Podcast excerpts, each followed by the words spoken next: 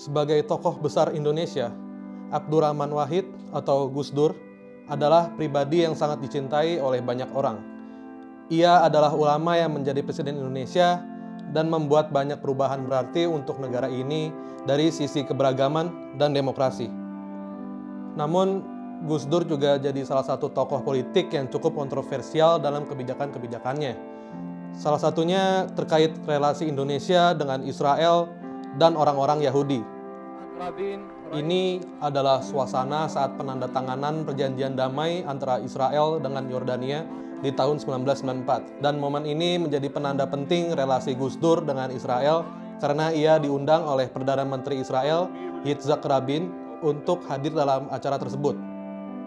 Konteks kedekatan ini punya makna yang besar karena di kemudian hari Gus Dur menjadi salah satu bahkan mungkin bisa dibilang tokoh utama yang mendorong pembukaan hubungan diplomatik dengan Israel.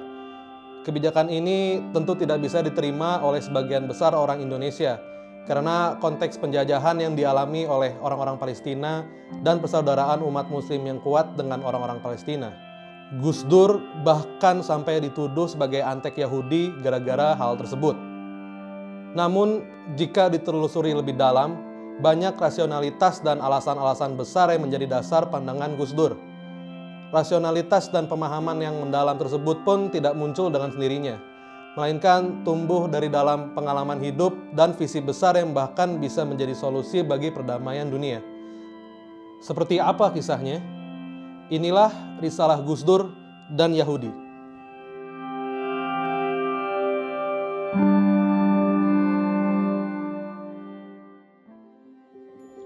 Pandangan Gus Dur soal kerjasama dengan Israel atau dengan orang-orang Yahudi sebetulnya bukan berarti Gus Dur tak peduli terkait penderitaan orang-orang Palestina. Menteri Sekretariat Negara era Gus Dur, Johan Effendi dalam buku Damai Bersama Gus Dur menyebutkan bahwa Gus Dur menangkap hasrat damai dari orang-orang Israel. Hal yang sama terjadi ketika ia bertemu dengan orang-orang Yahudi, Arab, Muslim, Kristen, dan lain-lain ketika ia hadir dalam perjanjian damai Israel Yordania di tahun 1994. Menurut Gus Dur, Indonesia tidak mungkin bisa berperan maksimal dalam mengupayakan perdamaian Israel dan Palestina jika tidak menjalin hubungan diplomatik dengan kedua negara tersebut.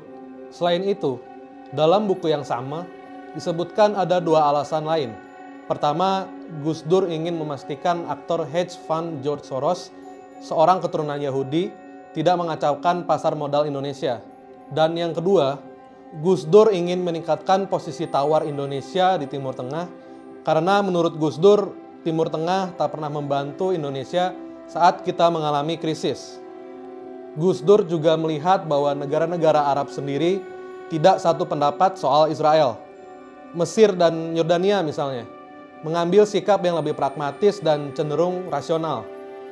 Dua negara itu mengadakan perdamaian dan membuka hubungan diplomatik dengan Israel. Nah, tentu pertanyaannya adalah dari mana sudut pandang Gus Dur yang lebih terbuka soal orang-orang Yahudi ini datang? Terkait hal ini, ada cerita menarik yang diutarakan oleh sahabat Gus Dur, Mahfud Sritwan, yang kemudian dituliskan dalam buku satu jam lebih dekat dengan 11 tokoh paling inspiratif di Indonesia. Disebutkan bahwa saat masih kuliah di Baghdad, Irak, Gus Dur berteman dengan seorang Yahudi dari komunitas Yahudi Irak bernama Ramin. Buat yang belum tahu, Gus Dur gagal menamatkan pendidikan di Mesir, sehingga kemudian ia belajar ke Irak. Seperti dikutip dari Historia, Ramin sendiri adalah sosok ilmuwan liberal dan inklusif yang memperdalam Kabbalah, sebuah aliran mistik Yahudi. Gus Dur disebut suka berdiskusi dengan sahabatnya itu terkait banyak hal, mulai dari masalah agama, filsafat, politik, hingga eksistensi orang Yahudi sebagai diaspora. Munawar Ahmad dalam buku Istihad Politik Gus Dur menyebutkan bahwa melalui Ramin, Gus Dur mengenal Yudaisme dan pengalaman orang-orang Yahudi. Gus Dur belajar menghormati Yudaisme dan pandangan hidup orang Yahudi, serta keprihatinan sosial dan politik Yahudi yang hidup dalam diaspora sebagai minoritas di berbagai tempat. Kemudian, seperti dikutip dari Intisari, Gus Dur memiliki seorang sahabat asal Amerika Serikat bernama C. Holland Taylor yang telah tinggal di Indonesia sejak tahun 1999. Taylor bersama Gus Dur mendirikan Leap for All Foundation untuk memerangi ideologi ekstrim yang mengatasnamakan agama, khususnya Islam dalam aksi-aksinya.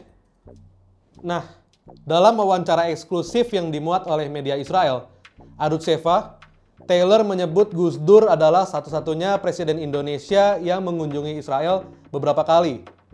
Ia juga menyebutkan pengalaman Gus Dur ketika belajar pada seorang Sheikh Sunni Sufi yang kemudian dibunuh oleh rezim Ba'ath yang berkuasa di Irak. Bersama Ramin, Gus Dur juga menyaksikan eksekusi mati 9 warga Yahudi Irak yang dituduh sebagai mata-mata Israel. Pengalaman itu membuat Gus Dur akhirnya punya perspektif bahwa apa yang dialami oleh Sheikh Sunni Sufi itu sama dengan yang dialami oleh sembilan orang Yahudi, yakni sama-sama menjadi korban kebrutalan dan ketidakadilan yang ekstrim.